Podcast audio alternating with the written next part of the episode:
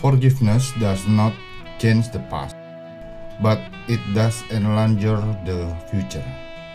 Paul Buse.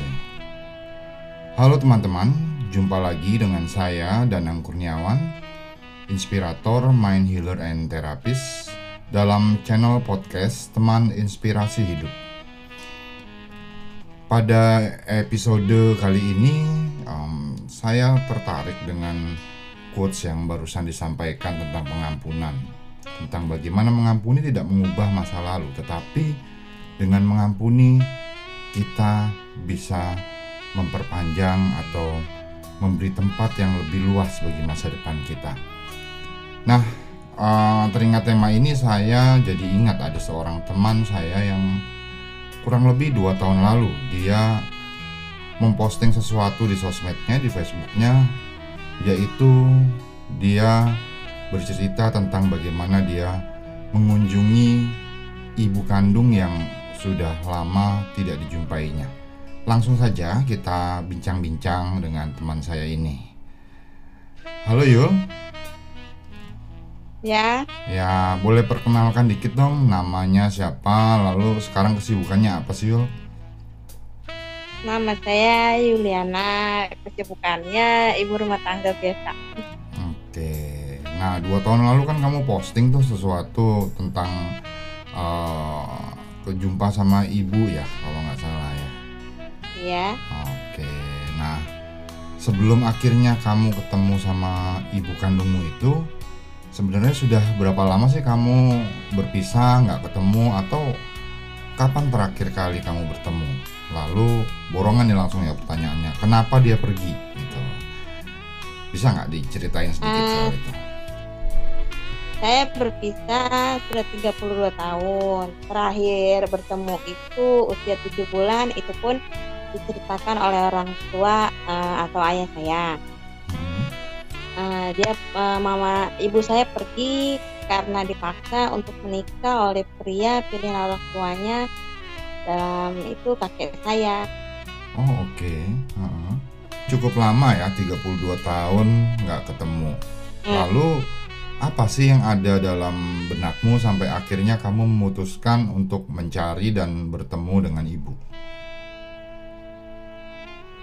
Uh, hal yang membuat saya memutuskan untuk mencari dan bertemu dengan beliau adalah saya ingat suatu ajaran Tuhan ya dalam hal mengampuni dan diampuni. Okay. uh, dalam hati kecil dan mungkin se pikiran manusia siapa sih yang nggak mau ketemu sama orang tuanya sendiri? Ya, ada yang lebih uh, uh, apa pun kondisinya. Apalagi itu seorang ibu yang sudah melahirkan saya. Udah gitu berpisahnya pun karena memang keadaan yang dia sendiri mungkin nggak mau kali ya Iya. Nah, terus kan 32 tahun nggak ketemu. Apa sih tantangan kamu atau masalah yang kamu hadapi ketika kamu mewujudkan hal itu? Susah nggak nyari ibumu ada di mana dan lain-lain?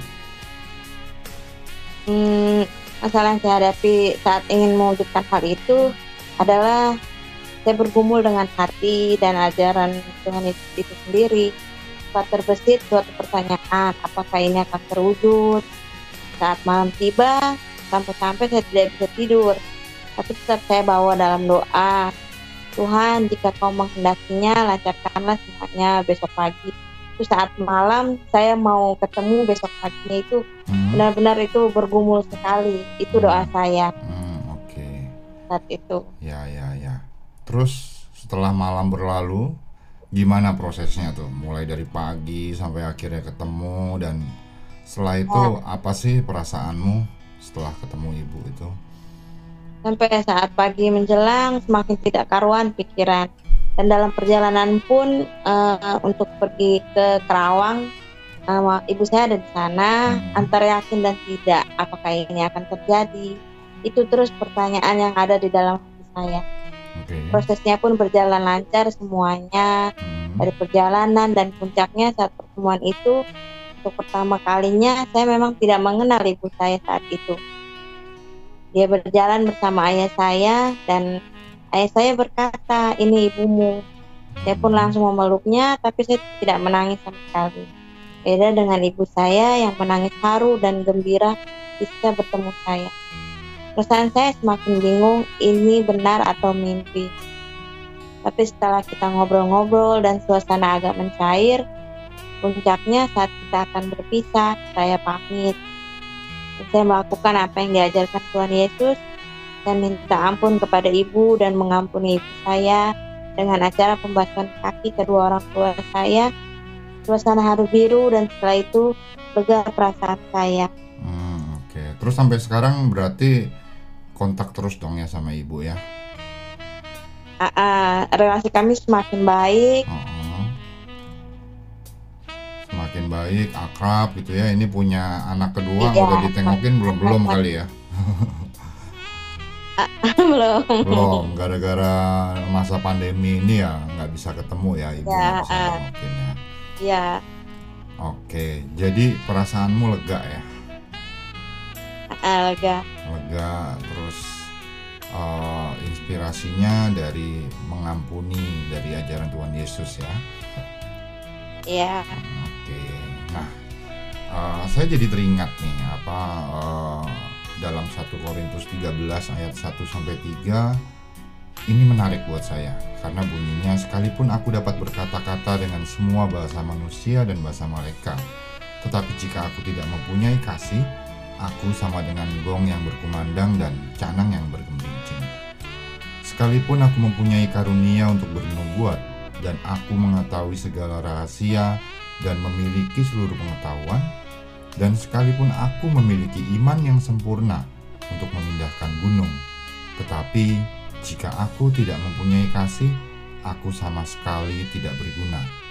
Dan sekalipun aku membagikan segala sesuatu yang ada padaku, bahkan menyerahkan tubuhku untuk dibakar. Tetapi jika aku tidak mempunyai kasih, sedikit pun tidak ada faedahnya bagiku. Semua yang kita lakukan, kalau nggak ada kasih, itu nggak ada artinya. Dan tindakan kasih yang paling besar, seperti halnya yang diajarkan oleh Tuhan Yesus, adalah mengampuni. Dan Kali ini kita belajar banyak tentang arti mengampuni yang berbuah manis, yaitu terjalinnya relasi yang telah lama terputus. Ya inilah inti dari pengalaman yang mungkin tadi uh, Yuli sharingkan ya. Ya, sepertinya begitu ya Yul. Terima kasih untuk sharingnya. Saya yakin sharing ini akan berguna dan meneguhkan bagi banyak orang. Dan semoga kita juga sebagai manusia berani untuk mengampuni karena dengan mengampuni tidak akan mengubah apa pun tentang masa lalu kita tetapi akan membuat masa depan kita menjadi lebih terang. Salam cemerlang.